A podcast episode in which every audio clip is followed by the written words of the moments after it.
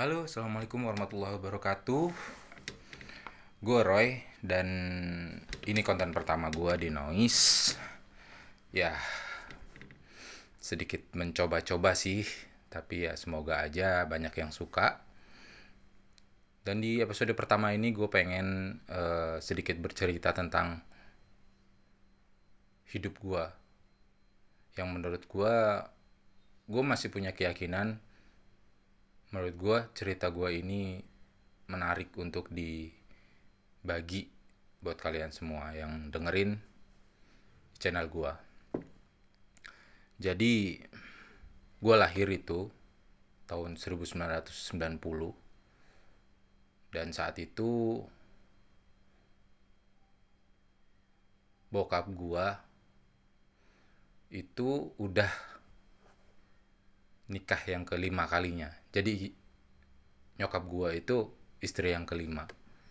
Memang sih cerai nikah cerai nikah cerai nikah gitu kan.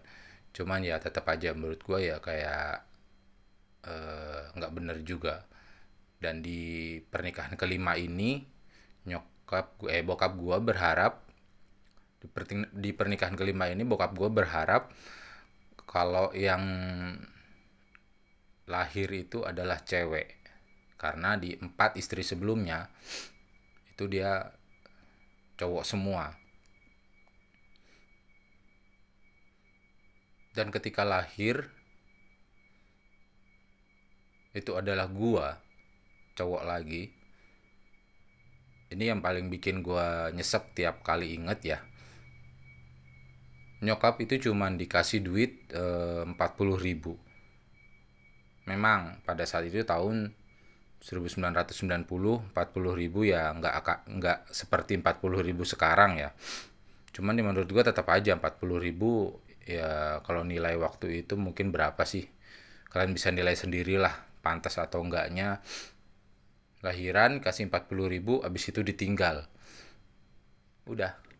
Kayak lu pakai jablay di pasar malam gitu kali mungkin kalian bisa lihat betapa keselnya gue sama bokap gue ya. Cuman dalam lubuk hati gue yang paling dalam sampai sekarang gue masih ngerasa ya bokap ya bokap gue gitu. Seburuk apa pun dia sebejat apa pun dia ya tanpa ada dia gue nggak akan ada di dunia ini.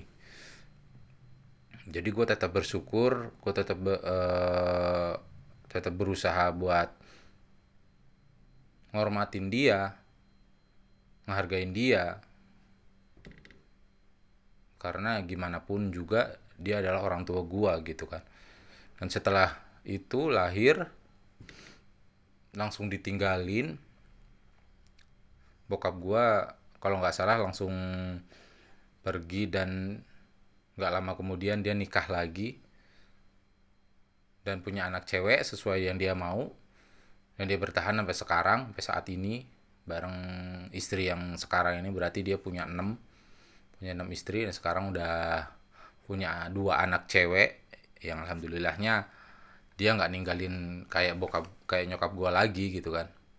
Ya gue sedikit bersyukur di situ. Uh, pada saat itu setelah gue lahir gue ditinggalin dan uh, nyokap gue banting tulang ngebesarin gue di sebuah desa di Jawa Timur, tepatnya di kota Jember. Beliau jualan kerupuk. Gue tiap hari nganter-nganter kerupuk ke warung.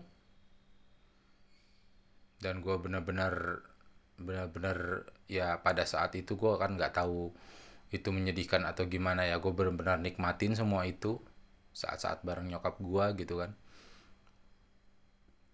dan pada akhirnya nyokap gue memutuskan untuk jadi TKW di Saudi. Menurut gue dari situlah semuanya karakter hidup gue berubah. Yang harusnya gue dari kecil harusnya gue dari kecil itu disayang sama orang tua dua-duanya tapi akhirnya gue nggak dapat apa-apa dari hal itu karena nyokap gue berangkat ke ke Saudi. Dia pulang dua tahun sekali di di rumah juga cuman sebulan.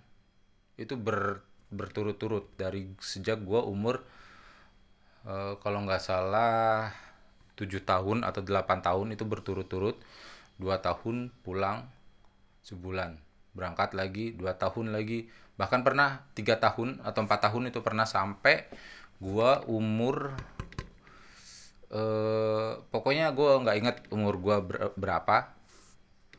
Umur gua kelas 2 eh kelas 5 kalau nggak eh. Kelas berapa sih? Kelas 5 SD umur gue kelas 5 SD dan di situ menurut gue itu eh, kayak fungsi menurut gue itu efek dari kehadiran nyokap. Kenapa gue saat itu butuh nyokap gitu? Karena di dari kelas 1 sampai kelas 5 semester 1 gue tuh selalu nggak pernah dapat ranking. Selalu nggak pernah dapat eh, namanya prestasi gitu kan jadi tiap ada kejuaraan apa terus tiap ada lomba apa gue tuh nggak pernah dapet. Dan di kelas juga gue termasuk orang yang goblok lah bisa dibilang. Gue waktu itu ranking eh, paling bagus itu ranking 30 dari 42 siswa. Itu paling bagus udah tuh. Dan ketika nyokap gue datang gue kelas 5 SD semester 1 setelah selesai semester 1 nyokap gue datang. Gue masih ranking 31 kalau nggak salah waktu itu. Nah di semester 2 itulah kenapa seorang anak itu butuh sosok orang tua entah itu ibu entah itu bapak buat sekedar nyemangatin buat sekedar selalu ada buat dia selalu hadir buat dia selalu nyemangatin selalu dengar ceritanya selalu dengar keluh kesahnya gitu. Karena selama ini selama dari gue kecil sampai gue kelas 5 itu gue nggak pernah nggak pernah bisa cerita sama siapa-siapa. Karena gue nggak punya siapa-siapa kayak nggak punya siapa-siapa. Gue tinggal bareng nenek gue tinggal bareng bude gue yang ibaratnya itu bukan orang tua gue gitu. Meskipun dia masih saudara ya cara didiknya atau kasih sayangnya beda sama orang tua sendiri nah saat itu gue eh, semester 2 gue belajar nyokap gue nggak pernah ngajarin gue nggak pernah bantu gue belajar nggak pernah bantu gue ngerjain PR cuman gue ngerasa punya spirit gue ngerasa punya semangat baru di situ.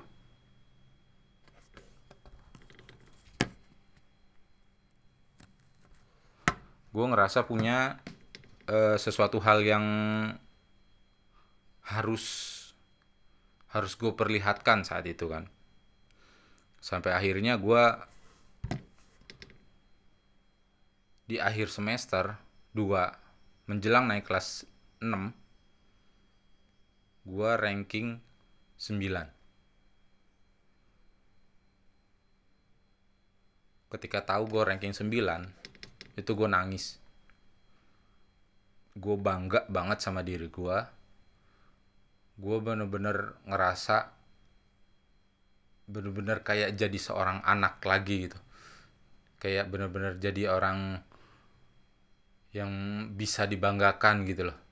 Ya lu bayangin aja selama selama 1 sampai kelas 5 gue nggak pernah ranking bahkan ranking 30, 31, 32 bahkan dulu pernah ranking 40 dari 42 siswa. Lu bisa bayangin betapa bandelnya gue dan ketika hadir sosok orang tua akhirnya gue bisa ranking 10 besar. Bisa masuk 10 besar dengan jumlah siswa yang sama. Itu betapa bangganya gua. Itu gua gua perlihatkan ke orang tua gua e, kalau gua itu emang butuh dia gitu loh. Emang butuh sosok ibu sosok ayah gitu. Meskipun saat itu sosok ayah buat gua nggak terlalu penting ya. Intinya sosok orang tua lah sampai akhirnya kelas 6 saat itu gue kelas 6 semester 1 semester 2 sampai kelulusan gue bisa mempertahankan ranking gue di 10 besar. Saat itu paling bagus gue ranking 7 kalau nggak salah. Memang nggak pernah ranking 3 besar 5 besar nggak pernah. Cuman menurut gue itu sebuah prestasi yang uh, lumayan memuaskan lah daripada sebelum-sebelumnya ya kan. Setelah gue lulus SD nyokap gue kenal sama orang yang eh, apa ya yang memberi pengaruh menurut gue itu pengaruh entah entah gue gue bilang itu pengaruh positif atau pengaruh buruk ya gak gue nggak ngerti. Tapi yang pasti buat saat ini gue ngerasa itu pengaruh pengaruh buruk sih kalau menurut gue meskipun kalau misalkan lu denger rekaman gue ini lu bisa ngerti ini ini sebagai pengaruh positif. Jadi dia kenal sama orang yang eh, pada akhirnya dia ma ngusulin ke nyokap gua buat masukin gua ke pesantren. Namanya pesantren Al Zaitun di Indramayu. Mungkin sebagian dari lu udah pernah dengar karena ini pesantren gede eh, bahkan wilayahnya itu terbesar ke se Asia Tenggara. Gue masuk ke sana di tahun 2004 2004 itu artinya setelah gue bertahun-tahun ditinggal sama nyokap gue kali ini gue yang harus ninggalin dia pada tahun 2004 itu gue yang harus ninggalin dia. Berarti nggak ada nggak nggak nggak punya banyak waktu buat gue buat cuman gimana ya menge, merasakan kasih sayang nyokap gitu nggak nggak banyak waktu gue cuman sekitar setahun atau dua tahun juga nggak nyampe kayaknya deh 2004 setelah itu gue ninggalin nyokap gue gue sekolah di Al Zaitun itu selama 6 tahun sampai lulus 2010 2000, singkat cerita gue lulus 2010 gue balik ke rumah gue gue pengen kuliah dan ternyata nyokap gue nggak punya biaya buat nguliahin gue karena memang dia ter hmm, ngikut uh, bukan itu ya ngikut sebuah sebuah ajaran yang uh, gak bisa gue jelasin di sini sih. Gak bisa gue jelasin di sini karena memang ini agak agak sensitif menurut gue ini agak sensitif dan bisa menimbulkan masalah kalau bahas di sini. Intinya pada saat itu nyokap gue nggak bisa nyokolain gue nggak bisa ngelanjutin kuliah dan gue nggak bisa tinggal sama dia nggak boleh tinggal sama dia karena gue nggak sepemahaman sama dia. Menurut eh, ketuanya lah ibaratnya. Gue nggak boleh tinggal bareng nyokap gue itu aja menurut gue kalau kalian bisa bisa eh, bisa yakini itu ada itu aja udah sebuah kesalahan. Masa orang lain mengatur gua buat nggak boleh tinggal sama nyokap gua sendiri karena gua beda keyakinan sama nyokap gua. Bukan secara agama ya. Kalau agama gua masih sama-sama Islam. Cuman keyakinan ini dalam hal sesuatu yang lagi-lagi nggak bisa gue bahas di sini. Itu. Terus akhirnya gue pergi ke Jakarta. Gue ngerantau beberapa tahun sampai akhirnya gue nikah di Jakarta. Nyokap gue tetap gak bisa datang karena memang dia diatur untuk menjalankan yang dia bilang itu tugas mulia. Jadi dia nggak boleh ke mana-mana gitu kan. Akhirnya gue nikah diwaliin sama paman gue dan gue punya anak. Setelah punya anak nyokap gue bilang kalau gue harus memperbaiki hubungan sama dia. Memperbaiki eh, sesuatu yang menurut dia kurang pas antara hubungan ibu dan anak. Gue agak agak punya rasa kesel sih di situ.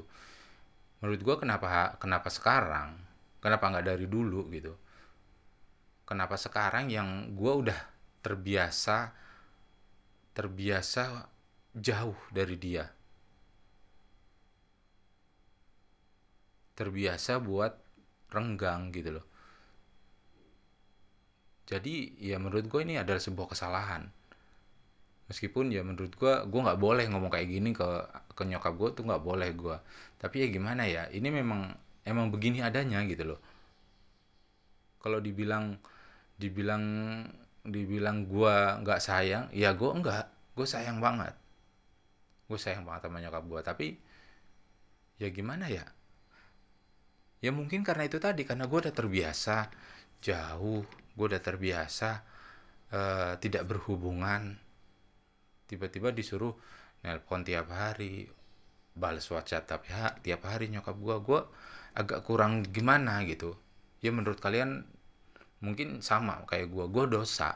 Tapi gimana perasaan gue udah udah kayak gini. Udah terbiasa seperti ini gitu. Mungkin kalian bisa kalian bisa kasih pendapat di komentar menurut kalian.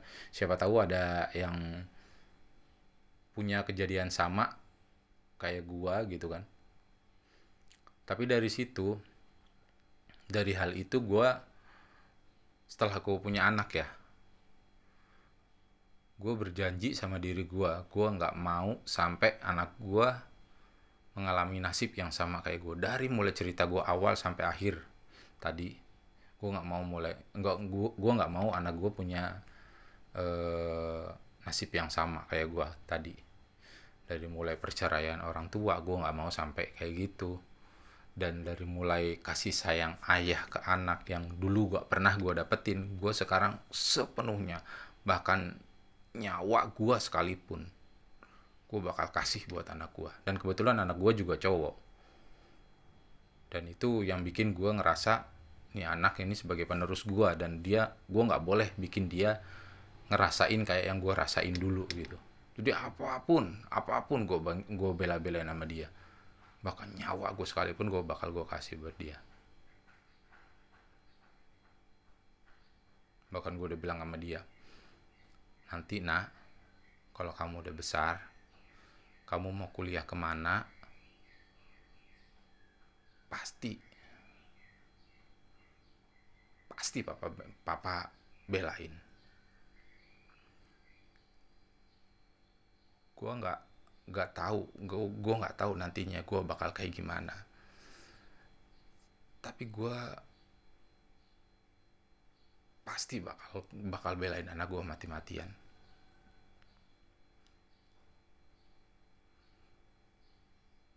Gue pasti bakal tepatin janji gue buat nyekolahin dia sampai di perguruan tinggi sampai dia mau jadi apa. Dia nggak boleh bernasib sama kayak gua. Dia nggak boleh nggak boleh melakukan kesalahan yang sama kayak gua. Dia nggak boleh jauh dari ibunya dari bapaknya. Dia harus tetap bareng-bareng sama kita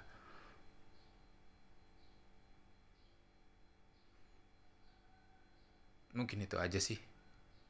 Sedikit cerita dari gua nanti gue sambung lagi di konten selanjutnya. Gue udah gak kuat udah pengen nangis bawahnya kalau udah cerita tentang anak dan masa lalu gue kayak gini. Jadi mungkin kesempatan selanjutnya nanti kita sambung lagi. Dan gue juga pengen tahu teman-teman semua responnya gimana terhadap cerita-cerita gue ini. Kalau sekiranya menarik menurut kalian kalian komen dan kita lanjutin lagi di, nanti di part-part selanjutnya. Oke, thank you, terima kasih. Gue Roy Husam Akbar, selamat pagi.